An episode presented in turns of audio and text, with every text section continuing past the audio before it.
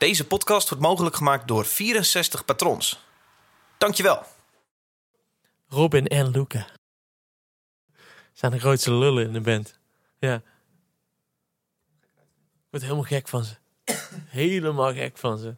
Ik wil gewoon iets. Muzikaal, creatief, gewoon qua alles. En, en eh, zij zitten dat gewoon in de weg. Je moet iemand vermoorden. Ja, Robin of Luca. Wie wordt het? Allebei. Tegelijk. Dude, ik zou Je hoort hier de stem van Pablo, zanger van de band The Wolf uit Utrecht, waarmee ik vandaag een podcast opneem. Maar eerst, ik ben namelijk bezig met een podcastruimte vinden in Utrecht. Dat is een ruimte waar ik eh, mijn podcasttafel kan laten staan, waar ik mensen kan uitnodigen. Ehm, en wat er eigenlijk voor gaat zorgen dat ik veel meer podcasts op kan nemen. Eh, dat is best wel tof. Ik heb morgen een bezichtiging van een, eh, een, een ruimte die ik op het oog heb. En ik hoop je heel erg de komende maand ergens een keer te gaan vertellen dat dat een nieuwe podcastruimte is waar ik veel vaker en veel meer kan gaan zitten. Verder zijn er nieuwe patrons deze maand. Dat is Rick Braas, Sjoerd de Kik, Inge Besling, Sjeert Derking, oh sorry, Sjeert Derking, ehm, Melissa Karitaran en Zena Karin. Jullie zijn de nieuwe patrons deze maand. Eh, hallo, welkom bij de club. Eh, in sommige gevallen eh, komt het shirtje ook jullie kant op. De klap van de mode shirt. Ehm, en je hoort mij ongeveer maandelijks over die website, Patreon. En eh, voel je vrij om daar vooral ook helemaal niks mee te doen. Eh, maar mocht je toch de behoefte voelen om iets terug te doen voor deze podcast... zou ik je willen vragen overwegen om patron te worden. Ehm, jouw bijdrage voor deze podcast eh, wordt dan vooral goed besteed... want het gaat regelrecht weer deze podcast in. Ik kan er namelijk dingen van betalen zoals de huur van zo'n podcastruimte... eh, eh, wat ervoor gaat zorgen dat er hopelijk meer podcasts gaan komen. Goed, ik stap in mijn Uber Hey, goeiedag. Maar niet uit hoor. en ik ga onderweg naar een werfkelder in Utrecht. Microfoons. Dat is namelijk de studio slash oefenruimte slash mancave van de band De Wolf. Ja. Eh, zij zijn net een paar dagen daarvoor teruggekomen eh, van een Indonesië-tour. Ja. Drie shows in Indonesië. Radio. eh podcast. Zij hebben net een maand geleden een Edison-prijs gewonnen in de categorie Best Rock. Ehm, en zij releasen dit jaar een aantal nieuwe platen. Ik vind het heel leuk om ze hun te spreken. Ze staan al een tijdje op mijn lijstje. En ehm, eh, met name omdat zij in 12-jarig bestaan, in hun 12-jarig bestaan, al zo'n beetje alles wel gezien hebben. En ik denk dat mijn voornaamste vraag deze podcast ook is: jongens, wat nu? Hey. Hey, is veranderd hier. Wat staat er nu nog op je lijstje? Wat zijn nu nou nog dingen die je wil, wil gaan afvinken? Ja, lekker. Of is het gewoon prima zo? Dit is mijn gesprek met de Wolf. Eh, geniet ervan. What do you do when you're no longer cool now? No longer the singer of the band. But your face is alright for the radio. Go fishing and drinking and listen to the show. This is the soundtrack for tequila. With the sun on your face in your pickup truck. Grab your moonshine and whiskey and fire up that grill. You're listening to is a hit from the Windmill. Jongens, ja. Dit is wel een beetje de gekste plek, de gekste manier waarop ik ooit een podcast opgenomen heb. Ja? Echt? Echt? Waar ben je dan normaal? Ja, normaal heb ik er gewoon een normale tafel. Oh ja, nee, dat hebben we hier Oh ja. We zitten hier in een... eh, Wij ja, hebben hier een tafel, die is heel duur, maar die is niet praktisch. ja. we zitten hier in de control room van jullie studio. In een eh, werfkelder in Utrecht. Ehm, aan soort van de, de tafel met ehm, eh 30, 30 schuiven. En eh 10 keer 30 aan knoppen. Ehm, op een eh, mini-tafeltje van ongeveer 40 centimeter bij 50 centimeter. Dat zijn van die tafeltjes die ze in ziekenhuizen dan aan het ziekenbed schuiven. Ja. Die kan er zo onder, ja. Eh, zitten zo eigenlijk een beetje net iets te eng. Ik kan al jullie knieën ongeveer aanraken. zitten we om eh, te praten. Welkom hier eh, van de Wolf. Ja. Dank je. Even kijken, we hebben Pablo, die klinkt zo. Hoi, hallo Pablo, Pablo, Pablo. Eh, prima. Eh, Luca broertje klinkt zo. Test, test, one, two. Robin neefje klinkt zo. Oké. Ik klink zo. Hey jongens, ja, wat, is dit, eh, wat is dit voor ruimte? Ik ben hier ooit een keer op een gek feestje beland. En dat was toen nog de woning voor jou, Robin. Maar wat is het nu? Het is Ja, deze ruimte is nu de control room. En eh, Ja. de andere ruimte, dat was eerst control room en studio in één. Wat heel vervelend is voor mensen die weten hoe een studio een beetje werkt. Ja. Eh, maar uiteindelijk eh, ben ik verhuisd, omdat het hier eigenlijk toch niet echt lekker wonen is. Je hebt weinig daglicht, weinig ventilatie, het is super vochtig. Ja, al die werfkelders zijn best wel kut om te wonen. Ja, je ik ziet dacht- nooit daglicht. Ja. Nee, ja, ik dacht op een gegeven moment... eh, eh, oh ja, je hebt twee verschillende soorten dekbedden. Hoteldekbed en dat wat ik thuis heb. Ja. En hoteldekbed vond ik heel fijn. En Ja. toen ben ik verhuisd en toen bleek dat ik thuis ook gewoon een hoteldekbed had. En wat bleek, mijn dekbed was hier in deze ruimte gewoon altijd super vochtig. Oh, dat dons is gewoon nat. ja. Dat is super smerig. ja, en daar word je Oh, ook best wel ziek fucking van. naar. Ja. Ja, dat is zonde. En, Dus dat toen is, ben ik verhuisd. en juist dons moet kunnen leven in dat... ja, het ging op een gegeven moment leven, denk ik. Nou, niet als in schimmel, maar als in het moet kunnen fladderen met heel veel lucht. En Ja. dan is het lekker. Ja, dat was hier niet. Nee. En nu is het eh dus een Het control room. het niet. Het wel een luxe, man. Gewoon een studio... Hartje Utrecht in een werfkelder. Een soort mega mancave is het. Ja, Voor 1100 euro per maand. ik heb net gehoord hoe duur het was. Ja, schrok ik wel. Oh, jij wist het niet dat het 1100 was. Nee, ja, ik, ben hier, ik, eh, ik woon hier ooit naast. En toen liep ik naar de Albert Heijn, aan de andere kant ernaast. En toen eh, zag ik dat het te huur stond. En dat was, toen was het 900 euro per maand. En dat was, dat was eigenlijk te veel al voor de Ja. Wolf. Want toen hebben we het dus eh, zo bedacht dat Robin hier zou wonen in de voorste helft. Ja. En de helft zou betalen. Nee, dat is gebeurd ook. Ja. ja, ja. Toen, ja. En eh, de Wolf zou de andere helft betalen. Maar nu kom ik er dus net achter dat de, de huur dan elk jaar is gestegen. En nu is het inmiddels 1100 euro. Dat is eh, meer dan ik... BTW en gaswaterlicht. Ja, zeker. Ja. BTW? Ja. Ja, we, we hebben de afgelopen tijd zoveel gespeeld dat we heel weinig tijd hadden om hier te zijn. De, dus dan. Echt voor wil- een leeg pand. Dit is wat mensen kraken, hè, om deze reden. Jullie zijn nu de corporate waar krakers hekel aan hebben. Oh, kut. Zijn we zo'n band geworden? Wow, we zijn net als Led Zeppelin zijn we gewoon de dinosauriërs geworden. En dadelijk komt gewoon een Sex Pistols en die kan ons helemaal kapot maken. En hoe gaat dit eind van de maand? Want dan moet, dan, ja, dan moet natuurlijk betaald worden. Dan gaat eerst gaat de geld, die 1100 euro naar dit, naar deze studio. En dan worden jullie zelf een keer Ja, en dan betaald. weten we of we eind van de maand eh, aan de reis met ketchup moeten of dat we een keer uit eten kunnen. Is er nog wat over aan het eind van de maand als deze studio betaald is? Ik heb nog wat rijst over. Ja, oh, lekker. Ja, Kunnen we ik, ik kom ketchup? niet rond. Kunnen wel eh, bij mij komen eten morgen. Rijst Oh, met ketchup. Fijn. Ik heb ook nog een beetje gesmolten kaas. Ik had helemaal niks meer. Al gesmolten, trouwens. Nee, eerst wordt alles en iedereen betaald. En eh, dan eh, houden wij wat over. Ja. Als het goed is. Leven jullie van deze band? Ja. Ik weet het echt niet. Ja? ja. Ja. Ja, wat, wat, wat fijn is, is dat we maandelijks... eh, we krijgen gewoon maandelijks loon. Oké. Dus dat is eh, een, een fijne zekerheid. En daardoor kunnen we, kunnen we leven van deze band. Eh, en in maanden dat we heel veel spelen, dan ja, blijft er sowieso al genoeg over. En dan Ja. kunnen we een beetje sparen. Voor een opnamepotje over. Of zo. ja, Ja. bijvoorbeeld. Of, of voor een buitenlandse tour of zo kunnen we sparen. En als we weinig spelen, dan is het altijd eventjes eh, bezuinigen. En dan gaan we weer nadenken over... Oh, moeten we toch eh, onze auto misschien verkopen? Of moeten we toch eh, naar een andere Is het echt met zulke ups en downs? terug.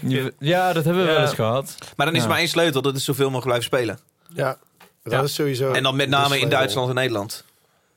Denk ik. Ja, Fr- ja, Frankrijk, Spanje. Oké, daar- dat is ook niet meer investeren. Daar wordt ook ondertussen... Ja, ja, ja, ondertussen wel, Europa ja. is best wel, gaat lekker nu. Ja. Ook qua gages en zo. We zijn Maar wij- net in Indonesië geweest trouwens. En dan ging het Ja. ook heel goed. Vorige week teruggekomen. Ja, Drie shows gedaan. ja. Ja, dat Dat was zo vet. Er waren echt eh, minstens 400, 500 man of zo eh, Ja, bij per elke Per show. Oh, wauw. Ja. ja, dat was heel cool. Maar ja, procentueel gezien. Ik bedoel, Er zoveel 250 mensen. miljoen mensen. Dus dat was eh, procentueel gezien maar heel weinig. Er zijn echt weinig mensen naar jullie show gekomen. Hoe kom je in Indonesië dan? Het Erasmushuis, dat zit daar in Jakarta. Oké. En ehm, Een Nederlandse ja, organisatie? precies. Dus die, eh, die eh, doen dan, eh, volgens mij elk jaar halen ze dan een Nederlandse band naar Indonesië om daar op Java een paar shows te doen. Volgens mij is Blauwtsen ook een keer geweest, Bewilder, Oké. Ja, inderdaad. ehm Jungle by Night. Jungle by Night, Storsky. En nu mocht de wolf een keer. Ja. Ja, Ja. dat was vet hoor. We, hebben, we zijn nog nooit zo vaak op de foto geweest. Die mensen zijn zo enthousiast. Ik heb denk ik een uur lang met mijn arm zo uitgestrekt gestaan. En dat de hele tijd mensen eronder kwamen. Mensen zijn zo lief daar. Ja, Dan begrijp je ineens hoe het kan dat op sommige plaatsen in de wereld mensen hun deur niet afsluiten thuis. En dat het toch niet wordt ingebroken. Dat Ja. zijn op zulke plaatsen. Mm. ja. Mensen waren zo aardig en inderdaad, dat was heel grappig. Iedereen wilde op de foto. Op een gegeven moment waren we in een restaurant en toen eh, kwam er één zo'n guy binnen. Zo'n eh, ja, echt super coole dude. Indo, echt heel jong, 16 of zo. met lange haren en een Levi's jasje. En gewoon helemaal cool. En we zagen elkaar. Hij zag ons en wij zagen hem. En wij allemaal zo, Yeah. nice. nice. en toen eh, een minuut later kwam hij, eh, can I take a picture with you? Hij zei, ja, tuurlijk. Het ging op de foto. En toen wilde het hele restaurant op de foto. Dus de koks kwamen uit de keuken. En toen hebben we echt de volgende drie kwartier hebben we staan poseren. Is dat niet eng omdat je ook een soort van de eh, gewoon blanke Europese jongens bent? Wat mensen daar ook interessant vinden? Eng. Wat is daar, wat is daar eng dan? Nou, niet eng, maar een beetje, be- dat je een beetje gek voelt. Dat je denkt, ah, wat eh, on- oneerlijk. Ik ben zo bevooroordeeld dat ik eh, hier als, Het is grappig dat je op basis van dat inderdaad... Want, want dat is het wel. Je Ja, bent, je bent ja. dan eh, blank en je bent dus ja, je bent groter dan de gemiddelde, gemiddelde persoon in Azië. En, eh, en je hebt lange haren. Ja. En dan die combinatie. Je bent al snel een bezienswaardigheid. Ja, maar mensen Mhm. wisten natuurlijk helemaal niet dat wij in de Wolf of in een band of wat dan ook zaten. Maar mensen vonden ons gewoon een soort van novelty en wilden met ons op de foto. Ja. Maar ik Maar vond het niet is erg. ook weer niet zo dat er heel weinig toeristen komen of zo. Dus toch, ik weet niet, er was iets aan ons eh, waardoor mensen getriggerd waren om met ons op de foto te gaan. En, en ook iedereen, hè. We Ja. liepen over straat en... eh, Alle 250 miljoen. ja. we liepen over straat en... Ja, nou goed. De laatste was, eh, 240 miljoen hebben we bij het vliegtuig moeten zeggen van... Hey guys, blijf daar. We hebben best wel We veel gaan gehad, hè? op het vlieg... Ja, 10 miljoen. Het is weet je toch een wel. promotour, 10 dus dagen. Een miljoen per dag. Het is echt niet, eh, het niet mis. Hey, blijft er nog iets aan over? Niet, eh, niet meer financieel, hoor, maar eh, is dit nou basis om nog vaker terug te gaan? Of was dit vooral een heel leuk snoepreisje? Ja, in eerste instantie dacht ik, oh ja, dit is een leuk snoepreisje. G- Ja. Drie shows in tien dagen. We hebben lekker veel vakantie. Ja. Eh, maar dat viel eh, reuze mee, want eh, we hadden persdagen. We hebben een persconferentietje gehad. We hebben daar in de krant gestaan. Mensen vonden het helemaal te gek. En ik wist ook helemaal niet dat in Indonesië eh, eh, muziek zo erg leeft. Je hebt heel veel barretjes waar dan bandjes spelen. Ja. En we zijn in Malang City geweest, wat dan Malang Rock City wordt genoemd. Eh, met, een, met een muziekmuseumpje, met vinyl en cassettes, eh, gesorteerd op land. Super cool. Met allemaal oude shit. Dus dan dacht ik, wow, hier is misschien best wel een markt of Vruchtbare zo. grond om vaker te toeren. Ja, misschien financieel ook weer niet. Want ja, mensen die betalen niet zo heel veel geld voor, een- voor een kaartje als je daar betaald zou spelen. Wat is dat omgerekend? Een, eh, een kaartje voor de Wolf en... 0 Indonesië? euro. Ja, Dat was gratis. Oh, dat gratis Ja, dat was Ja, het ja, ding. ja. Dus we speelden voor 500 man eh, of zo. Ja. Eh, en, en toen dachten we, wow. Dat was wel de gedachte van, wow, maar dit, het gaat echt best wel goed hier. En het ging ook echt best wel goed. En toen dachten we, wow, wat kunnen we daarmee doen? Maar toen gingen we ineens zeggen, wacht even, maar als we een volgende keer terugkomen zonder steun van het Erasmushuis, dan ja, moet je natuurlijk wel geld voor ticket Waarom doet het. Erasmushuis dit? Wat, wat is what's in it voor Erasmushuis? Waarom? Ja? Ehm, Vind je Ja, het gewoon cool qua cultuurverbreding in Ja, Ja, Indonesië? dat eigenlijk. Oké. Een soort van brug eh, maken tussen Indonesische en Nederlandse Ja. cultuur. Ja. En, eh, want het is onderdeel van, het, eh, van de ambassade. Ja. De Nederlandse ambassade in Jakarta. we hebben toch wat goed te maken daar. Dat is Nederland. Ja, oh, zo. Dus jullie hebben een klein stapje gezet door eh 10 miljoen mensen een ja. handje en een knuffel te Het geven. is, wel, het is wel grappig. Toen we daar waren, had ik heel erg die vibe eh, verwacht van de Indonesische mensen. Maar Indonesische mensen die vinden Nederlanders helemaal te gek. En ik kreeg zelfs het gevoel dat ze zoiets hadden van... Wow, Indonesië, Indonesië zou nooit zo ver als nu zijn als Nederland daar niet was geweest. Dus dat, heb- ze ook dat- een soort van... Dat heb je hardop horen zeggen? Of... Ja, dat ze dankbaar waren. Ehm, maar ja, Ja, dat was heel raar, Gek, hè? ja. Ik dacht ook, ik, dacht ook eh, ik ging daarheen en toen dacht ik... Ik had al verhalen gehoord van dat het dan super cool was en zo. Maar toen dacht ik, oké, maar dat moet toch wel een soort van gek gevoel zijn. Want, want Ja. Nederlanders hebben echt fucked up shit gedaan in Indonesië. Ja. Ehm, maar dat was helemaal niet eh, een, een, een negatief ding of zo. Ja. Dat is echt cool. Dat is echt super leuk. Vet. ja. Hey, we moeten even over een aantal dingen hebben. Dat gaan we ook allemaal zo meteen doen. Jullie hebben natuurlijk net de Edison gewonnen. Daar gaan we het over hebben. Oh, ja. Jullie ehm, komen met een hele interessante plaat. Of eigenlijk met drie platen. Ik snap er niet zoveel meer van wat er allemaal gaat gebeuren. En hoe jullie, wordt- Drie klinkt goed. Maar hoe jullie het zijn er planning eruit ziet. Nee, het zijn er drie. Oh, Nee, ja, ik weet niet zeker. Maar ik het zo. Maar eerst heb ik jullie gevraagd eh, liedjes, eh, liedjes uit te zoeken. Ehm, ja, jongens, eh, last minute moesten nog dingen veranderd worden. Zeg maar waarmee we moeten gaan beginnen. Ik heb eh, in de aanbieding eh, Little Feet, Unknown Mortal Orchestra en eh, Led Zeppelin. En denk- jullie eigen live track, maar laten we daar nog even mee wachten. Ik denk beginnen met Led Zeppelin. ja. Ja? Want Ja. het gesprek is nog warm. En ehm, Nog koud. Ja, dan komen we ook een beetje van de plek waar eh, mensen ons eh, van kennen vandaan. Behoeft dit een introductie of was dit de introductie? Nou, Pablo heeft net voor het begin van deze podcast eh Luca en mij een introductie gegeven over deze versie van dit nummer. Dus toen zei ik, nou, die wil ik wel horen. Ja, ik wil wel een korte introductie. Ja, oké. Led Zeppelin Ik zeg, voor ik mij zeg nog band. niks meer.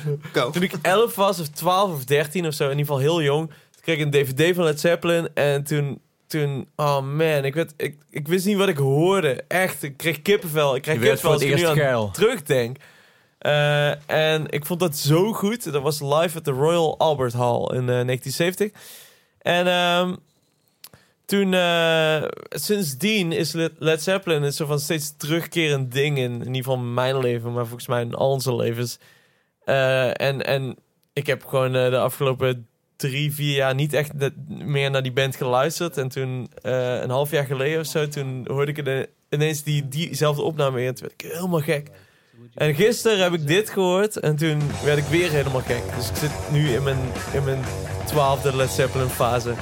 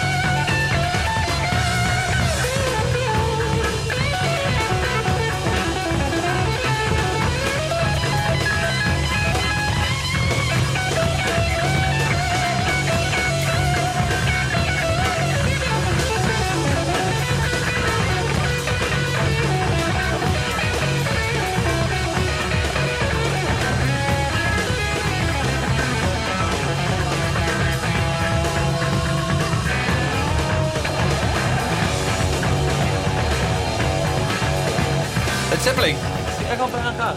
Oh nee, ja, ik, ik doe nooit hele liedjes. Ik zet het altijd in mijn Spotify playlist en dan kunnen mensen daar helemaal gaan luisteren. Vind je dat kut? We hadden net zo'n heel lang gesprek. Hey, we zijn mid-song even geswitcht naar eh, de boxen hier in de studio. Eh, klinkt net ietsje beter. Denk ik wel. Ja, maar ja, niet echt veel. Ik vond eigenlijk wat eh, dat kleine Bluetooth Kleine speakertje Bluetooth kwam, eh, speakertje. was ook wel gewoon eh, gaaf. Hey jongens, eh, een paar maandjes geleden alweer. Twee maanden geleden een eh, Edison Award gewonnen voor Best Rock. Ja. Ik hoorde een Ja. soort opluchting door Nederland muzieklandschap gaan. Van, ah, ja, dat was ook wel een keertje tijd. Echt? Voel dat voor jullie ook Dat zo? vind ik cool dat, dat je dat zo ervaren hebt. Ja, Ik heb natuurlijk ook maar een paar mensen gesproken en daar baseer ik dan deze meningen op. Maar dit, ja. Ja, nee, het was super cool. Maar, maar wij zitten natuurlijk ook wel een beetje in, in, in zo'n bubbel dat, dat iedereen die wij spreken, die vindt het fucking cool. Ja. Maar ik vind het leuk dat dat dus in jouw... eh, Ja, dit vond ik Jouw niet meer dan logisch. De- ik zou De niet weten wie de, de, de, de categorie eh, rock zou moeten winnen nou. Eh, ik weet eigenlijk niet eens wie er nog meer genomineerd waren. Jet Rebel en de Afterparties. Ja, oké. Ja. Nou, toch? Ja, nou ja, Jet Rebel is natuurlijk een fantastische artiest. Maar m- misschien dan als de prijs echt zo om het rockding gaat. Ja. Ik bedoel, hij heeft ook wel eens eerder gewonnen en eh, volledig terecht. Rock ook, of pop, of... eh, ja, weet, weet ik niet. Oké. Nee, ik vind het echt ook niet. Hij is een supergoeie muzikant. Ik vind het echt te gek wat hij doet. Eh, maar het is denk ik een ander genre dan wat wij doen. Ja. Maar het is sowieso lastig om alles in hokjes Dit te hadden jullie ook heel zuur geroepen als jullie weer verloren hadden, denk ik. Maar dat is niet Nou, nou, roep ik we, het nog hadden echt, we hadden oprecht Ja. niet verwacht dat we zouden winnen. Nee, nee? ik zat ik, in had op- ik had eigenlijk oprecht niet verwacht dat we kans hadden om te winnen. Wij waren genomineerd en ik had eh, die middag al een speech geschreven die ik in mijn binnenzak eh, stopte. Ja? Ja. Oh. Ja, bij jij ons was ging het een beetje... Nee, wij wonnen een paar jaar daarvoor precies dezelfde eh, categorie Ah, rock. oké, En ja. toen, eh, wij- dachten al wel een beetje van deze kant is wel bezig. Dus ik had al een kleine speech eh, een beetje bedacht. Hebben jullie gewonnen ook? Ja, Oh. ja dus ik dan Nice. inderdaad, ja. Maar dat, dat had jij dus niet. Of jullie. Nee, eh, nou, eh, het ding was een beetje... We hadden dus allemaal niet verwacht dat we zouden winnen. Eh, Robin was op vakantie en toen... Oh, was was echt bij. net een dag voordat, voordat het bekend werd dat wij waren genomineerd... had Robin die vakantie geboekt, maar... Hij geloofde er in ieder geval niet genoeg in om die vakantie te cancelen. Ja. En dat, dat, dat, dat had ik zeker ook niet gedaan. En, eh, en toen kwam die dag zo dichterbij en, en toen... Toch even een, was kijken of je een pak oh kan ja, huren. vanavond zijn die Edisons. Ja. Oh ja, ja, toen maar even de stad in om een eh, outfit eh, te kiezen of zo daarvoor. En toen ging ik met de trein daar naartoe en toen zat ik een burger te eten op het station bij de Smullers of zo. En toen kwam ik iemand tegen die ik vaag kende en die, die vroeg van, hey, wat ga je doen? Ik, ik ga naar de Edisons. Zijn genomineerd. Hij zei, wow, wat vet. Ik zo, oh, ja, ja, ja, wel cool. Welke categorie? Ik, eh, nou, eh, rock. Oké, eh, wie is er nog, nog meer genomineerd? Jet Rebel, de Afterparties. Hij zei, ja, maar dan gaan jullie toch winnen. En op dat moment dacht ik, ja, Ja, dat kan nog wel eens. misschien, misschien wel eigenlijk. Ik had dat nooit als een optie gezien, maar op dat moment dacht ik ineens, oh, misschien gaan we inderdaad eh, wel winnen. En toen zaten we in de trein en toen stapte ik in de trein er naartoe en toen dacht ik, fuck, toen was ik ineens heel zenuwachtig. Wat nou als we winnen? Dan moet ik wel Het iets, podium iets, eh, iets hebben om te zeggen natuurlijk. En toen heb ik in de trein een beetje iets bedacht. En toen heb ik dat later toen wij Wat heb je gezegd? Wat is het geworden? Ja, iets van eh, dat Doe we het, mooi vinden in een tijd... Oké, we vinden het prachtig dat in een tijd van ehm, Vluchtigheid. Vluchtigheid... Ja. en eh, digitale uh, gesequenced eh, drumbeats... dat er toch nog plek is voor eh, muziek gemaakt met echte gitaren en drums en Hammonds... en met gitaarsolo's en met Hammond solo's en dat soort dingen. Is dit een belangrijk punt?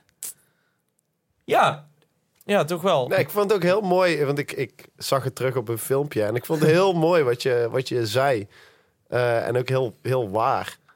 Ehm, Wat dan? nou, dat er, Dank je. omdat we dus gewonnen hebben, dat er dus blijkbaar wel eh, grote waardering is voor wat wij doen. eh, ten opzichte van wat er eh, gebruikelijk op de radio wordt gedraaid. Want daar, daar is geen ruimte voor eh, gitaar of Hammond solo's of drum solo's. Ja, nummers van langer dan vier minuten. Ja, Ja. precies. Ja, weet je, je kunt, je kunt doen wat je wil qua muziek, maar eh, of het relevant is, dat, dat is toch vooral aan anderen om dat eh, te bepalen. En als je dat dan bevestigd ziet in de vorm van een Edison, dan, dan is dat een super grote eer. Ja. Vooral voor ons, omdat we, we begeven ons een beetje op de grens van, van wat ooit was en wat er. eh, als ik heel, de meeste mensen die ik spreek, die missen dat. Dus het is iets van toen, maar het is ook iets wat nu heel erg gemist wordt. Maar wat dan? Wat wordt er gemist? Nou ja, dat er gewoon muziek wordt gemaakt door echte muzikanten. Dat er risico's worden genomen op een podium, weet je wel. Dat niet alles voorgeprogrammeerd is, dat niet alles Mhm. vaststaat. Eh, muziek maken, in mijn ogen is dat muziek maken. Daarom, daarom draaiden we die Led Zeppelin track net. Weet je, wel. dat die gasten, hoe die daar samen spelen, dat is niet Dat is nooit gerecreëerd door hunzelf niet. Nee. Want dat was alleen op die avond zo. En door anderen niet, want alleen zij konden zo spelen. En dat mis ik heel erg in muziek nu, weet je wel. Mensen kopiëren elkaar, iets, iets slaat aan en dan wordt dat gekopieerd. Want, oh nou, nu kun je alles kopiëren. Ehm, maar goed, eh, het gaat niet, niet eens om, om wat het dan niet moet zijn of zo. Maar wat ik, wat ik, het, ik heb het idee dat wat heel veel mensen missen... is dat er gewoon ja, echt muziek wordt gemaakt op een podium. Eh, of, of in een studio of waar dan Maar ik kan me voorstellen dat je een, eh, een, eh, een producer die plaatjes komt draaien... of die zijn, zijn, zijn werk komt laten horen, op het podium op play drukt... hooguit iets doet met, eh, weet ik veel, brightness of zo in, in de tonen en de- that's it. Dat is wat mij betreft vrij duidelijk een minder heftig performance met risico. Wat, is Mhm. dan, wat, wat zien jullie dan nog meer? Bedoel je dat dan? Nou, ja, ook. En dat is een beetje dan het obvious ding inderdaad. Van, ja, tuurlijk, weet je wel, dat, dat heeft helemaal niks meer te maken met wat er 40 jaar geleden gebeurde. Maar ik besef ook dat 40 jaar geleden is 40 jaar geleden en dat is niet nu. Ja. Je wil ook niet als een oude lul klinken. Dus we zijn op, nee, precies, we zijn op de een of andere manier hier gekomen. Eh, maar het is ook eh, in, in, in muziek waarbij wel gebruik wordt gemaakt van normale instrumenten, mis ik ook gewoon heel erg het avontuur. Ja. Omdat eh, er zijn gewoon door de loop van de jaren heen allemaal genres. Vroeger had je gewoon popmuziek. En, en de Beatles viel in die categorie. En, en eh, Black Sabbath viel in die categorie. Ja. En dat ligt zo ver uit elkaar. Maar ook weer niet. Ik bedoel, als je Helter Skelter luistert... dat is dan weer niet heel, veel, heel ver van Black Sabbath eh, vandaan. Maar als je Let It Be luistert, eh, weer wel. Maar dat was gewoon allemaal hetzelfde ding. En toen werden zo van voorzichtig aan nieuwe termen bedacht. Dus eh, Black Sabbath werd dan eh, metal of, of, of heavy metal genoemd. En eh, Beatles was dan toch meer pop. Uh-huh. Maar dat is steeds ja, extremer geworden door de jaren heen. Weet je wel? Totdat je echt dingen hebt die zo ver uit elkaar liggen. En die band doet alleen maar dat. En die band doet alleen maar dat. En wat ik eigenlijk mis in, in, al, die, in al die... Ik heb gewoon vaak het idee dat, dat bands één ding willen doen. En dat ze ook heel erg kijken naar... Oh, ik heb bijvoorbeeld dit nummer geschreven. Maar ja, dat past niet echt bij het idee van deze band. Dus eh doe het niet of zo. Oké. Ik mis heel erg muziek die komt vanuit de persoon zelf. Gewoon het, indiv- het individu in de muziek. Het concept is vaker belangrijker dan Ja, de, ja. Dus binnen je genre de, de coolste zijn, binnen je genre, weet ik veel, alles wat al bestaat bevestigen, maar dan nog net iets vetter doen. Dat is wat er gebeurt. ja. En jullie zeggen, het mag wel wat gekker ten behoeve van expressionisme of zo. Ja, ik denk dat om weer het, het oude voorbeeld eh, uit de kast te halen. Led Zeppelin, als je die 1970 show in Royal Albert Hall, als je die kijkt, dat zijn gewoon gasten die op dat moment iets staan uit te vinden. Ze hebben gewoon, ze hebben een gitaar en ze hebben een basgitaar en ze hebben drums en zang. En ze, ze hebben allemaal bluesplaten geluisterd, maar ze maken op dat moment iets wat, wat er nog niet was de dag Ze van jammen. tevoren. Ze jammen. Om, ja, ze- inderdaad. Ze laten hun individuele... Hun, hun, hun wezen... Laten ze spreken met hun, in- met hun instrument, instrumenten... en dan ontstaat er zoiets. Maar laat me even advocaat van deze generatie zijn. Ja. Het kan ook heel saai zijn. Want dan sta je dus bij een show naar een nummer van 10 minuten te, te kijken... die misschien niet echt heel erg tot een punt komt. En die ene het- show van die hele lange tour van 60 shows... die dan heel erg vet is geweest, daar maken ze een plaat van. Maar eh, saai is het geworden. Kijk, ik neem Saai ik was is het bij de, de, geworden de, de Kite Man Orchestra Sessions in uh, Tivoli Oude Gracht. Ja. De laatste dagen van de Tivoli Oude Gracht. Eh, zeven dagen op rij was dat volgens mij, of vier dagen. Nou ja, Zij deden ook alleen maar eh, improvisatie. dat is alleen maar improvisatie. Duurde drie, vier uur lang. Eh, dus ik, ik was geneigd om te zeggen toen ik dat hoorde... Wow, wat vet. Dit wordt cool. Maar ik heb er een aantal van die avonden gedraaid. werkende voor Tivoli. En ik vond het eigenlijk best wel vaak ook best wel saai. Dan zaten er soort van twee hoeks in zo'n avond die wel cool waren. Die bouwden ze dan ook uit. Ja. Maar, ehm, nou ja. Dat kan ik me ook voorstellen hoor. En dan moet je maar heel moet tijd nemen een- met je, de kans dat het niet cool is. je moet ergens Ja. ook een balans hebben Ja. tussen die dingen. Ik bedoel, Led Zeppelin die, die speelt ook hun nummers. Maar in die nummers heb je een soort van... In dat moment speel je het zo. Of dan speel je het zo. En Ja. voor het publiek is het dan ook wel... Heel veel delen zijn herkenbaar. Ja. Eh, wat, wat super fijn is voor, voor een publiek. Ze willen een punt van herkenning. Als ik naar een De Wolf show ga en ik hoor een, eh, een, een, eh, eh, één, één liedje van jullie. Ik weet niet, moet ik dan rekening houden met acht minuten ongeveer live? 10 minuten? Jij begint te lachen, dat zal zeker 16 minuten zijn. Wat was er Ja, nou? we willen altijd zeggen van niet, maar, maar we komen er toch weer achter dat maakt al die uit. nummers heel lang zijn live. Ja. Ja, Maar ja. hoe werkt dat met een setlist bouwen? Jullie zeggen, we, we, we spelen dit nummer. Eh, hoeveel van dat moment is dan eh, eh, jammen? En hoeveel is in de koor dat jullie echt dat nummer spelen? Ehm, nou ja, op plaat duren die nummers allemaal niet zo lang. Dus in principe is een groot deel eh, geïmproviseerd. Maar we hebben natuurlijk wel... Weet je, je hebt dus zoveel kapstok nodig om je, om je improvisatie aan op te Mhm. hangen. En Niet dat de improvisatie het, het hoogste doel is of het belangrijkste ding of zo. Maar je song is natuurlijk het belangrijkste ding. Ja. Maar als je daar binnen een soort van vrijheid vindt om eh, dingen gewoon elke avond anders te doen. Of om daar momenten misschien wel in te bakken eh, waarvan je afgesproken hebt van oké, daar gaan we iets doen. Ja. Dat vind ik wel de ultieme vrijheid. Want dan kun je dus ook, eh, als een van die nummers dan bijvoorbeeld een succes wordt, dan kun je dat over tien jaar nog steeds spelen en nog steeds niet zat zijn, omdat het gewoon elke Is dat het geheim waarom, is. wa- wat fans ook zo vet vinden aan de Wolf? Dat jullie... eh, ja, ik denk dat dat ook een heel belangrijk ding Ze is. kennen een dat liedje het- en ze weten, ik ga dat thema horen in een nummer dat ik nu hoor, maar er gaat ook heel veel omheen gebeuren waar ik eh, toeschouwer van mag zijn. Ja, maar men- Ja. misschien niet eens zo bewust. Maar ik denk dat er, eh, als wij als de artiest eh, onderbewust... Of nee, als wij als artiest eh, bewust mee bezig zijn van... Oké, we hebben die vrijheid en je kan op je bek gaan. eh, eh, of het kan ineens heel vet worden, maar het is in ieder geval altijd een beetje anders. Dan straal je een soort van eh, enthousiasme ook uit, want dat houdt het ook voor ons interessant. En dat draag je over naar het publiek. Dus het publiek zit naar ons te kijken en die, die zien dat wij bezig zijn op dat moment. Ja. En dat we niet een nummer spelen zoals we die ooit hebben opgenomen. En zo doen we dat dan twintig jaar lang. Eh, dat, dat, dat is gewoon saai, ook voor ons. Ja. En dat, dat slaat over naar het publiek. Hebben jullie geheime tekentjes, Luca?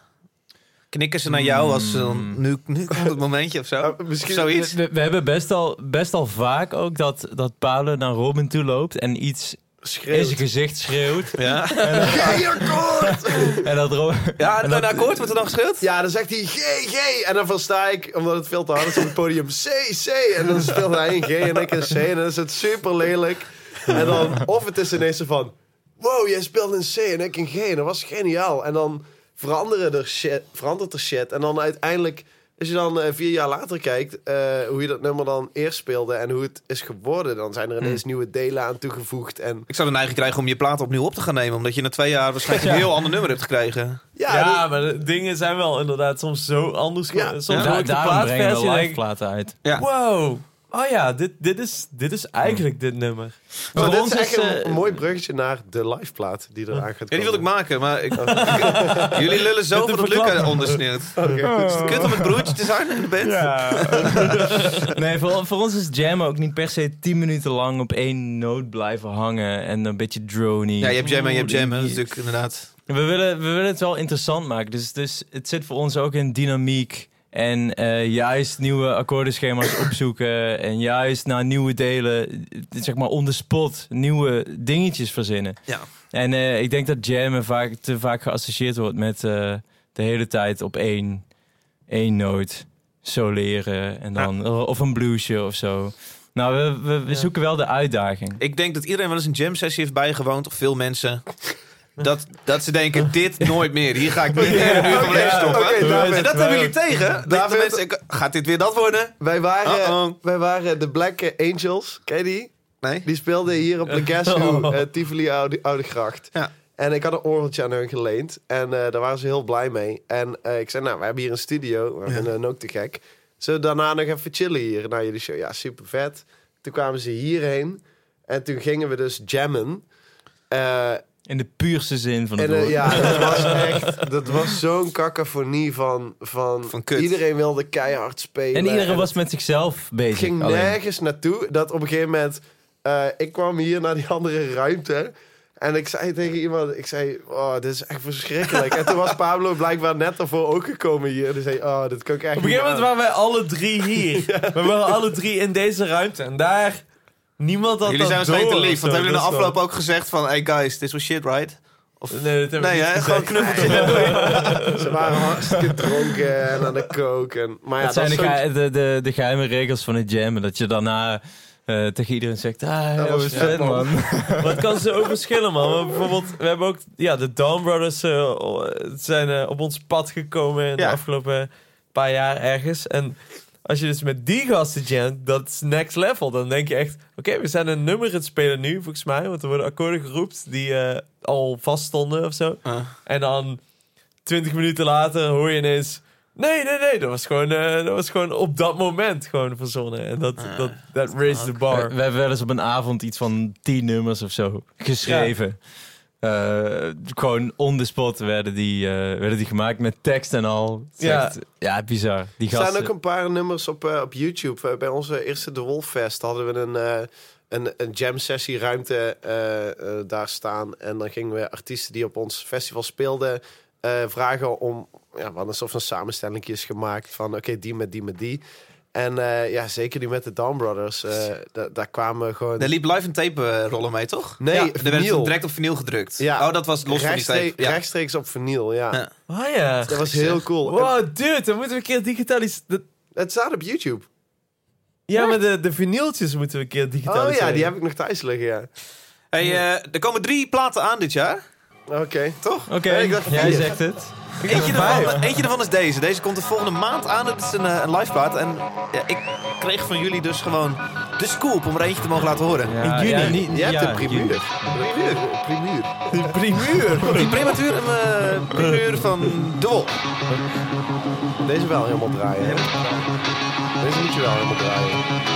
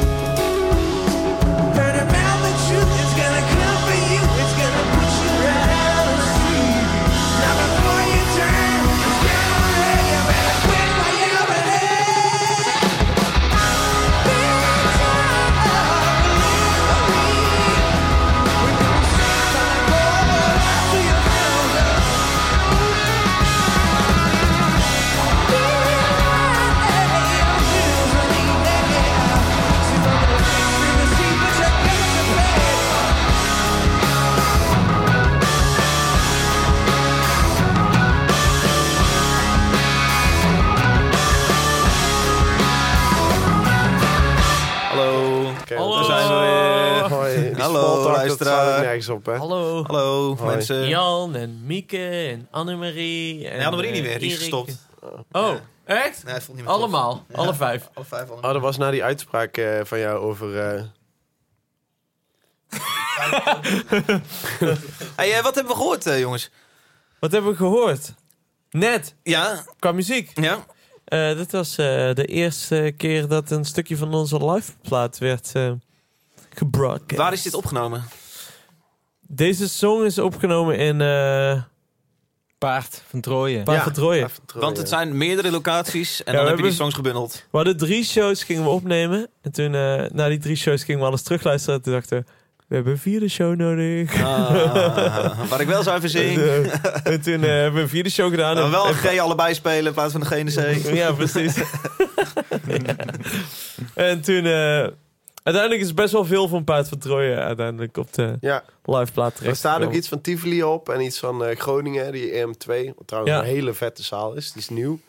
Eh, en Luxor Live. Live. En Sam Jones, jullie producer, heeft het opgenomen met allemaal gekke mics overal. En Ja, die heeft het, eh, die heeft het heel mooi eh, geregistreerd. We hebben alles in een liveplaat opgenomen. En toen hadden we gewoon zelf eh, gewoon de microfoons die dan live al bij je shit ja, ja. staan. en dan Dus gewoon die een, laptopje aan de geluidstafel leggen. En, Precies, eh, op die ja. manier. En nu hadden we echt, eh, nu hadden Sam Jones dus mee en die, eh, die heeft ook alles gewoon tijdens de soundcheck dat wij met onze shit op het podium bezig waren en onze geluidsman in de zaal, heeft hij echt gecheckt dat dat, dat allemaal mooi binnenkwam en nog extra mics geplaatst en eh, hij heeft het ook gemixt uiteindelijk. Ik zeg eh, drie platen, want jullie poepen echt platen uit een malle dit jaar. Want het is dus, oké, deze komt eraan, live plaat Ja. van de Wolf. Eh, dan doen jullie mee eh, op de plaat van Dawn Brothers. Oh ja. Oh ja, inderdaad. Precies, ik dacht dat jullie die vergaten. Ja. dat is een project waar ik op Noorderslag heb gezien. Oh, vet. Ontzettend tof, eh, tof concept. Ja. hoe, hoe het heet het? Dawn Brothers and Friends of zo? Next die- of Kin. Ja, Next die- of Kin. Ja. En dat is Ja. een plaat die uitkomt? Of al Ja, uit- op Record Record Store Store. Ja, precies. Ja, en ze zijn nu 13 één voor één wat, eh, wat singeltjes online aan het gooien. Dus net... Dus de ook met Tim Knol, ook met Douwe Bob, ook met Tangerine. Nee, dat was, alleen, eh, dat was alleen live toen op Eurosonic. Dat Tangerine en Douwe Bob meededen. Wie doen er Maar, nog meer nu mee dan? eh, bij die Next of Kin plaat hebben we een paar dagen in, in Wisseloord gezeten. Dat is dan met ons, eh, Stefan Wolfs op, eh op eh, pedalsteel. En David Gram ook op pedalsteel. En ook gitaarspelers allebei. Ja. En eh Merel, eh heet die? Sophie. Me- Merel Sophie, die eh doet ook achtergrondzang. En Tim Knol zit erop. Eh, oh ja, en eh Cole Harbor. Dat is een eh, blazers, eh, strijkers ensemble. Wat eh, ook op twee nummers meedoet. En daarnaast komt er ook nog een plaat eind van het jaar uit. Ik weet niet, helemaal niet of ik dit hardop mag zeggen al. Maar jullie hebben een plaat opgenomen in een bus. Ja, Ja, En met dat kleine dingetje wat daar staat. Ja, Tascam. Een klein, het lijkt een beetje op zo'n versterkertje die ouders hebben. Maar dan met zes faders erop. ja Twee dus faders voor het preamps en vier faders Studio. voor microfoontjes. Er was eh, een jaren tachtig dingetje gemaakt om, eh, om zo van de, de expensive recording studio in je huis te hebben. Ja. Dus dat was van My First cassette. Sony, maar dan My Ja, First opnameapparaat. Dat inderdaad. Eh, het, was eigenlijk de voorloper van wat nu dan iedereen doet met een thuisstudio. Dit was eh, zo van de, de analoge equivalent daarvan. En ehm, ja, we hadden het idee van... Ja, we gaan op tour en we zijn al heel, heel lang op tour, vier maanden. En ehm, ja, ik dacht van... Dus zoveel tijd die verloren gaat op tour. Aan want eh, en eh, rondje lopen door de stad en in Ja. de backstage niks doen. Ja, of, of zelfs gewoon dat je in de bus zit en dat de helft ligt te slapen en iemand is aan het lezen en iemand is aan het... Dat is allemaal... Ergens zijn we er ook achter gekomen dat het ook wel nodig is om zo van uitgerust te blijven. Maar... eh, Want toen je helemaal begon op te nemen, was je gesloopt bij de live show s'avonds? Ja, na één maand was het. Want we waren dus, we gingen op tour met dat ding. En eh het opnameding achter in de bus. En we gingen eigenlijk, we gingen er heel enthousiast in. We gingen elk vrij moment dat we hadden, gingen we opnemen, nieuw shit bedenken. Luke had een sampler mee. eh, eh, Robin had een synthesizertje mee. En ik ging met gitaar en rechtstreeks in dat ding. We zaten gewoon ja, de hele tijd te jammen. Maar op een gegeven moment was dat doel gesteld van... oké, we gaan een plaat maken op tour. Dus we gaan elk vrij moment gingen we daarin steken. Dus elke keer als we aankwamen bij een zaal... dan, dan gingen we al onze shit allemaal uitladen. Weet je al, misschien wel duizend, duizenden kilo's aan apparatuur. Ook dat de- onze portable recording studio zeg maar in de backstage opbouwen. Weet je wel, dat kostte ook allemaal werk. En dan soundchecken. Oké, klaar met soundcheck. Meteen naar de backstage. eh, shit verzinnen. Dat zeiden die zalen dan. Ja, die vonden dat, gek, super raar. Die hadden zoiets nog nooit gezien. We, hadden een paar zalen waar we de hele dag de backstage niet zijn uit geweest. Ja. En dat we de hele tijd shit zaten op te nemen. jullie Of vieze orgies aan het doen waren of zo. Weten zij veel. Ja, Ja, al van die uit, momenten dat het voorprogramma even kwam kijken om, om hallo te zeggen tegen ons. Ja. En dan zaten wij daar met koptelefoons op, eh, geconcentreerd op onze instrumenten. Helemaal niet sociaal, op wat voor manier dan ook. Super Die moet- lullig eigenlijk Ja, tegenover eh, die supportbands. Die moeten echt gedacht hebben, jezus, wat een asociale band. Maar eh, ja, we waren daar echt... eh, het begon inderdaad heel, eh, heel enthousiast en heel creatief. Ja. En we, elke dag wilden we een nieuw nummer schrijven. En dat zwakte een beetje af na het einde. Maar eh, ja, uiteindelijk hebben we toch nog iets van 15 nummers of zo eh, Ja. aan overgehouden aan die, aan die tour. Maar doordat die animo een beetje afzwakte naar het einde toe, was het op het einde ook wel echt zo van. Ja, eh, hebben we wel iets wat plaatwaardig is? Maar ik vroeg me echt af of we ook maar één ding hadden wat plaatwaardig was. Zo van al die uren die we erin hadden gestoken. En Dat blijkt blijkbaar 15 dingen. ja, uiteindelijk na de tour hebben we een week hier in de studio afgesproken om alles te luisteren. Want alles stond op losse cassettebandjes. Sommige cassettebandjes waren ook kwijt. Je moest gaan zoeken. Dat duurde ook een paar dagen. En eh, uiteindelijk hadden we een stuk of twaalf plaatwaardige dingen. En drie dingen hebben we nog bij verzonnen in de studio. Ah, ja. En ehm, ja, toen was er ineens weer een plaat van 15 nummers. En die is nu helemaal af. Die is ook al gemixt. En we zitten nu op, eh, wat is het, 25 eh, maart? ja? Maar we moeten wachten tot eh, januari om het uit te brengen. Van? Ja, we hebben, Jullie gewoon- label, we die hebben zegt, dan nu jullie dus... hele momenten is ver te zoeken, want er komt zoveel. Ja, precies. We hebben nu dan dus die live plaat en die nieuwe plaat. Dan moet een beetje gespreid worden. Maar dat is chill, want eh, nu gaan wij gewoon weer een nieuwe plaat verzinnen, eh, schrijven en opnemen. En dan eh, hebben we weer een volgende plaat klaar. Jezus. Het is misschien al af voordat de komende plaat uitkomt. Ik denk het wel, ja. Jullie hebben je eigen platen, platenlabel, Electrosaurus Records. Komt daar dat ja, uit? nee. Oh. Eigenlijk niet. Nee, we, hebben, we hadden is, dat is dit op een half papier. label? Is dit op papier? is dit een goed verhaal voor de pers? Ja, Ja, eigenlijk wel. Oh, Ja, de- nou, nou, nou ja, het is wel een eigen label, maar jullie weten Eigenlijk- dat er mensen meeluisteren nu, hè? ja. Oké. het is wel een eigen label eh, in die zin van eh, Electrosaurus Records. eh, we wilden daar een soort van dingetje van maken. Eh, maar alle, alle vervelende klusjes, zeg maar, dus alles behalve het artwork en alle sappige plannen, werden eigenlijk gedaan door eh, Suburban Ja. Records. En, ehm, en dat was heel cool. Maar ehm, we zitten nu, eh, sinds Thrust zitten we bij eh, Mascot Records. Mhm. En daar komt ook daar komt, eh, die live plaat op uit. En dan komt die volgende plaat, die studioplaat op uit. Of die busplaat. Noem het alsjeblieft gewoon de busplaat. De busplaat. Vet, man. De bus record. De fan. De backstage record. Nee, maar Electrosaurus is wel een, een dingetje dat blijft voortbestaan. En Ja. wel af en toe komen Ja, er misschien nog wat dingetjes. gaat doen. Ja, Ja, het, eh, Pablo neemt hier eh, ook andere bands op. eh, best wel vaak. En dat zijn hele coole dingen. En eh, ja, know, een paar jaar terug of zo, toen deed dat echt nog veel meer dan nu. Ja. En het waren vaak bandjes die eh, eigenlijk hun eerste ding gingen opnemen en nog helemaal geen business kant voor elkaar hadden. Eh, dus dan was het idee van, ah, dan kunnen wij hun een soort van opstapje bieden. geven. Eh, samen, in samenwerking met eh, Suburban Records. En we hadden met twee dingen was er misschien sprake van dat we dat inderdaad gingen uitbrengen. Maar dan zijn wij ook wel de mensen die zeggen van ja, wij kunnen je alleen een soort van opstapje bieden. We zijn niet echt een supergoed groot label of zo. Die En, en alle- ook niet heel actief. Nee. Ja. Dus uiteindelijk is er niks meer eh, eh, echt van gekomen. Ja, we hadden dan artiesten die gewoon die fucking cool waren, waar wij super erg in geloofden. Maar wij zeiden dan inderdaad tegen hun van, ja, wij willen het super graag uitbrengen. Lijkt ons heel cool.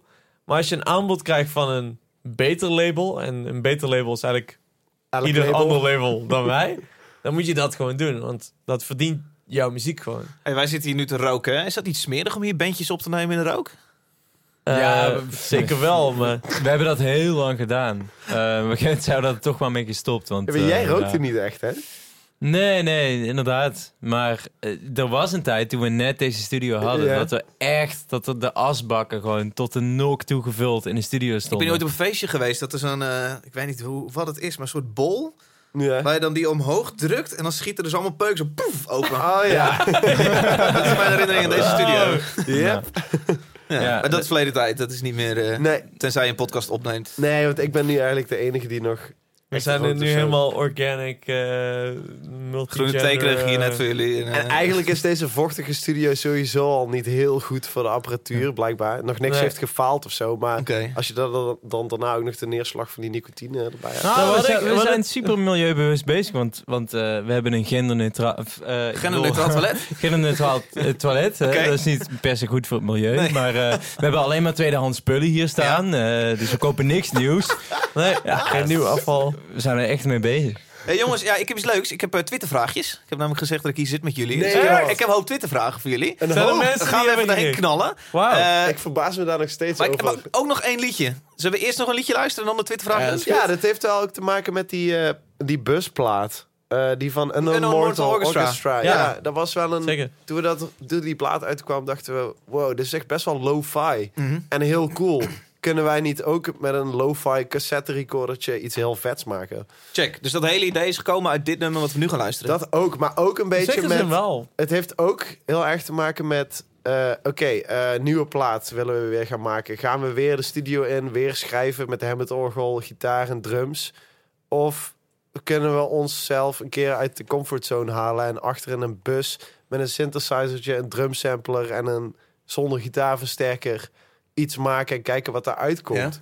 Eh, gewoon om het ook interessant te houden, dat je niet hetzelfde blijft doen. Ja. Ja. Eh, laten we luisteren. Zet het volume open? Ja. Het is eh, Unknown Mortal Orchestra.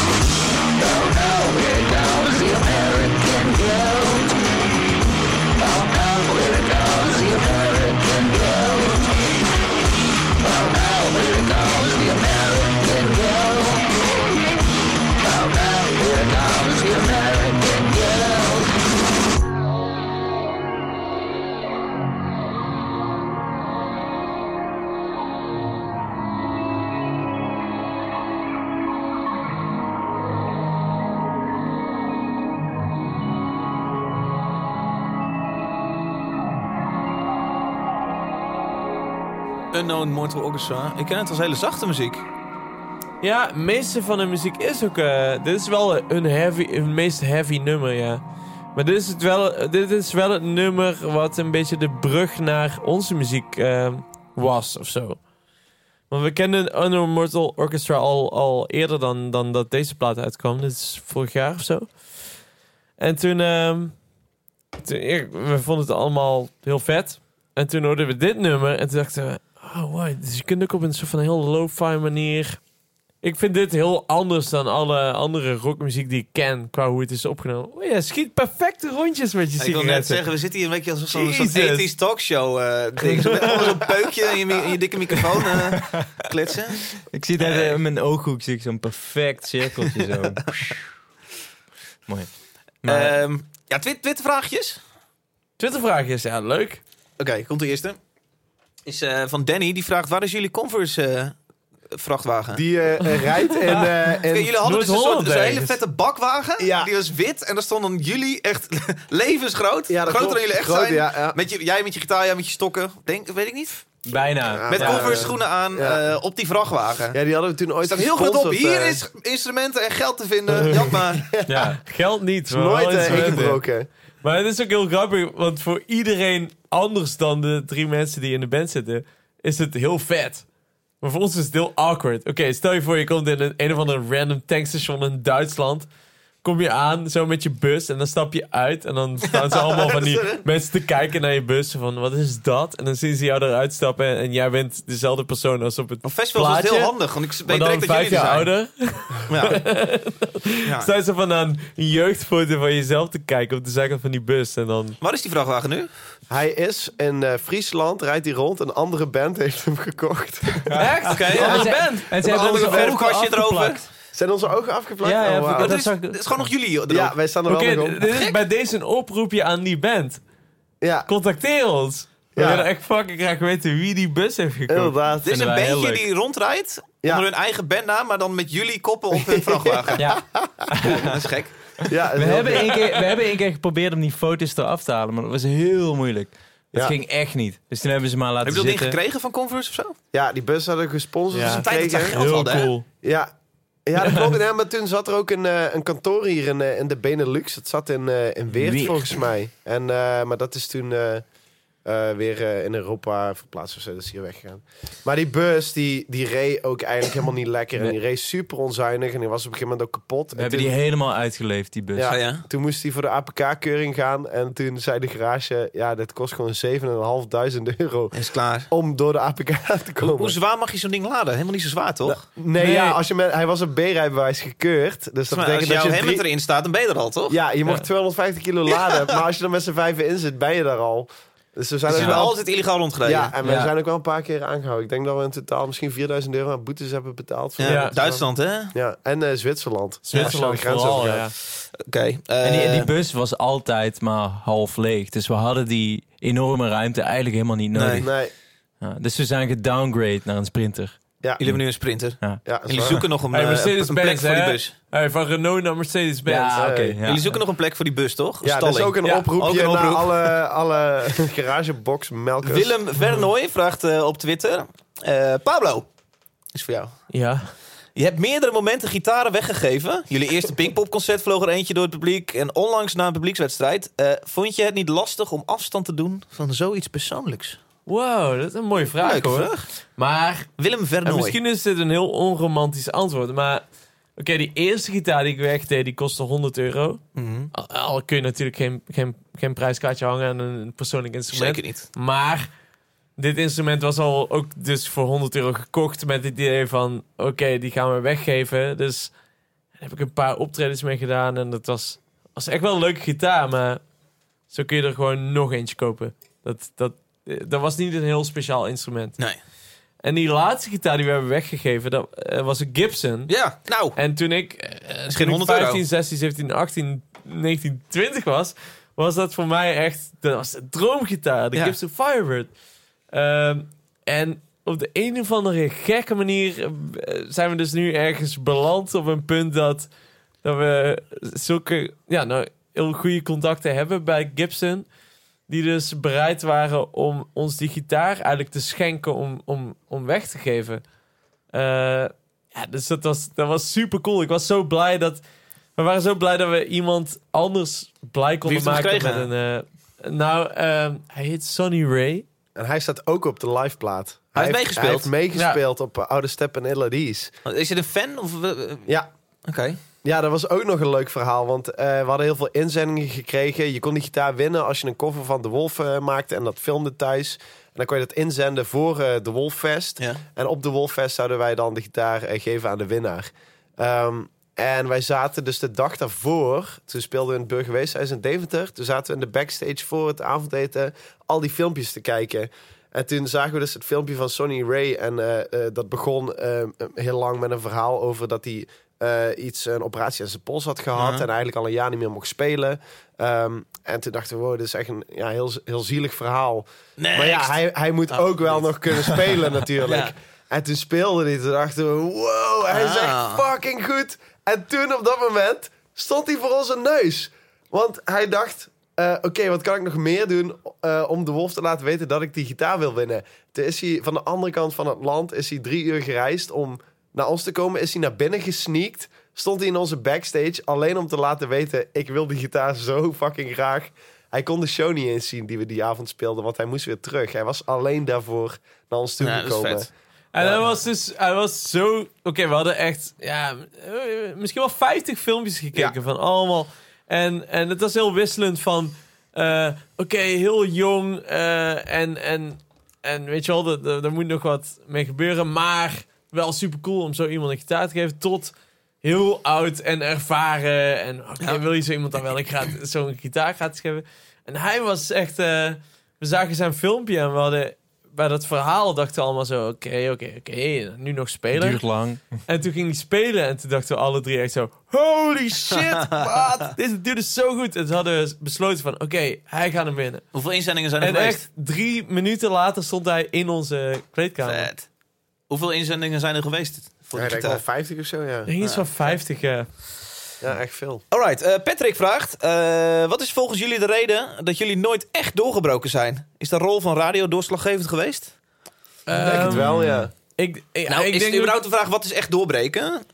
Ja. Ja, Ja, dat is voor iedereen verschillend natuurlijk. Maar ik, ik, ik bedoel, wij vragen onszelf dat ook vaak af. Want kijk, voor mensen buiten de band is het heel vaak alsof we het echt gemaakt hebben. Oké. En, eh, en als je heel sceptisch bent en in de band zit, eh, zoals ik, dan, eh, dan kun je heel vaak denken van... Ja, maar waarom, waarom gebeurt het nou net de hele tijd niet? Of zo. Wat is doorbreken? Airplay hebben op radio? Weet ik eigenlijk niet. Maar ik denk dat doorbreken is dat je overal in, in je eigen... eh, in je territorium, dus dat is in dit geval dan Europa...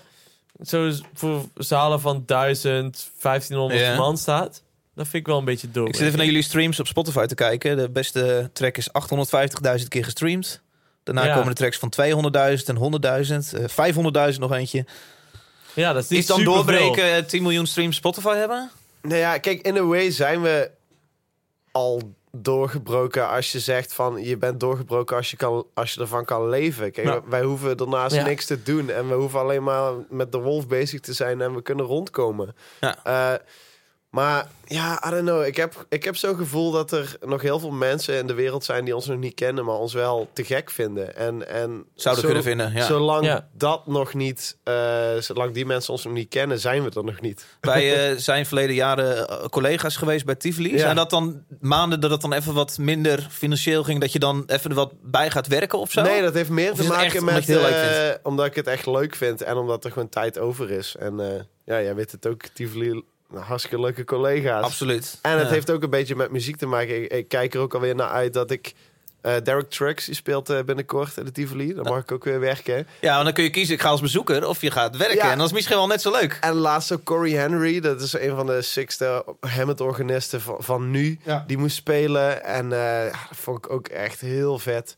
Dan sta je toch net iets dichterbij, die mensen. Oh, maar ik had ook een keer speelde de Doobie Brothers. En eh, dat, dat heb ik helemaal niet gezien. Ik kwam gewoon na die show kwam ik aan eh, om af te breken. En toen bleek dat Bill Payne, dat is de toetsenist van Little Feat, ook Ja. een van die nummers die we wilden laten horen. Die speelt daarin, maar dat wist ik daarna pas. Dus ik heb gewoon zijn toetsenshit zitten op te bouwen. Niet wetende wie er daarna Ah, ja, ging spelen. Maar eh, Patrick zegt, is de rol van radio doorslaggevend geweest? Jullie maken lange nummers. Eh, we zijn jullie wel eens in de verleiding om dan een, eh, een, een geil hitje te schrijven... met een couplet die eh, max 30 seconden duurt... en een refreintje die vier keer terugkomt? We denken er soms wel over na. Zo van, eh, maar niet met het idee van, oké, dat, dat is goed voor radio. Maar onze muzieksmaak is ook wel veranderd eh, over de jaren heen. En ik denk dat we vroeger meer hielden van langere nummers. En dat we tegenwoordig ook luisteren naar eh, korte nummers die we vet vinden. Ja. Eh, en dat we daardoor ook kortere nummers schrijven. En ik denk dat die ook wel wat radiogevoeliger zijn. Eh, maar het is nooit dat we denken van... oké, wat werkt voor de radio, dit gaan we nu schrijven. En, en wat is radiodoorbraak ook? Ik bedoel, je kunt in Nederland misschien wel een hit hebben, maar dan heb je alleen in Nederland een Ja. hit. En dan, Ja. en dan word je misschien in Nederland groter, maar je ja, wilt ook je, je iets. festivalgage gaat er misschien behoorlijk mee omhoog. Ja, misschien zie je het wel op je bankrekening. Dat is heel fijn. Ja. Het Maar- is heel tricky om nummers te schrijven met een doel. Met, met zo'n bepaald doel. Een soort van commercieel doel voor ogen. Ja. Want ik eh, sprak vanochtend met, eh, eh, met Judy Blank. Die was Nee, best wel... net terug. Ja, ja, ja. Maar die, ja, die reist de hele tijd over heel Amerika. En zij heeft ook echt... Zij doet daar echt coole dingen. Ja. Zij schrijft met allemaal mensen vandaar. En zij zei dus van... of misschien vindt ze het niet leuk dat ik dat zeg. Maar zij zei dus dat ze aan mensen daar bij wijze van test... laat horen wat er in Nederland in de, in de, in de top staat. Qua nummers. En mensen lachen Ja, ons daaruit. Noemen ze daar 13 in een dozijn. En, En ik, ik zeg ons Namaak? als in Nederland. Gewoon Nederlandse eh, top 10 nummers. Die, die worden da- dat wordt daar gezien als echt totale onzin. Weet je wel? Ja. De te- teksten slaan nergens op. eh, Bla bla bla. En wat dan- moet radio daaraan doen? Minder, wat, moet radio daaraan doen? Moeten ze minder Nederlands gaan draaien, spannender gaan draaien? Liedjes van zes minuten niet schuwen? Nou, ik denk dat. Maar dat is heel lastig. Ik denk dat mensen eh, juist meer terug moeten gaan naar de basis van het nummer. Want ik heb dus het idee dat. eh als schrijven wij de nieuwe Hotel California. Het gaat niet gehoord worden. Omdat er gitaar in zit. Omdat er Hammond in zit. En mensen plaatsen het automatisch in een soort van passé-hokje. Terwijl als, als het met een soort van. Quantized beat zou zijn. En, en het, zou, het zou lekker makkelijk binnen de toonsoort blijven de hele tijd. En het zou gewoon zo makkelijk mogelijk eh, eh, te verteren zijn. Dan zou het al wel meer kans hebben. Dus Ja. het, het is meer. Weet je wel, het gaat meer over de, de, de beste nieuwe Big Mac eh, maken. Dan over echt een, een lekker gerecht maken met een, met, een, met, een, met een goede dressing en een mooie, een lekkere nasmaak. Ik weet helemaal niks van Ik heb de titel te hoor, pakken hoor. Mooi. Dit is een geile quotejes. ja, maar dat vind ik heel kwalijk. Dat het dus tegenwoordig niet meer gaat... Het gaat niet meer om het nummer, weet je wel. Het gaat, het gaat gewoon om of het makkelijk eh, weg te kouwen is. Ja. En ehm, Eh, laatste twee vragen. Henry zegt, repeteren jullie nog steeds in de kelder van jullie ouders? nee, dat is, eh, dus Oh. gewoon hier. Nee, nou ja, in, nog zekere zin, in zekere zin wel, want onze ouders hebben ons gemaakt. En we hebben, we hebben deze kelder eh, gehuurd vervolgens. Dus in zekere Jullie ouders wonen niet hierboven. Nee. Nee, oké. Laatste vraag is van eh, Tim Arets. Hij zegt, eh, we wel. hij zegt, wat zijn jullie ambities? Eh, hoe willen jullie blijven bouwen? En willen jullie dit nog je hele leven blijven doen? Kortom, wat nu? En ik heb even op een rijtje gezet, eh, eh, afsluitend. Wat jullie zo al hebben gedaan. Jullie hebben zeven platen uitgebracht. Zeg ik dat goed? Zeven? Eh, ik denk het wel, ja. Ehm, eh, DVD uitgebracht, onder andere Live at Lowlands. Shows gedaan in Frankrijk, Hongarije, Italië, Polen, Indonesië, Australië, Rusland. En ik vergeet er waarschijnlijk heel erg veel. Eh, documentaire op NPO, een foto- en tekstboek boek uitgebracht. Jongens, wat nu nog? Jullie bestaan 12 jaar. Wat staat er dan nu nog op de bucketlist?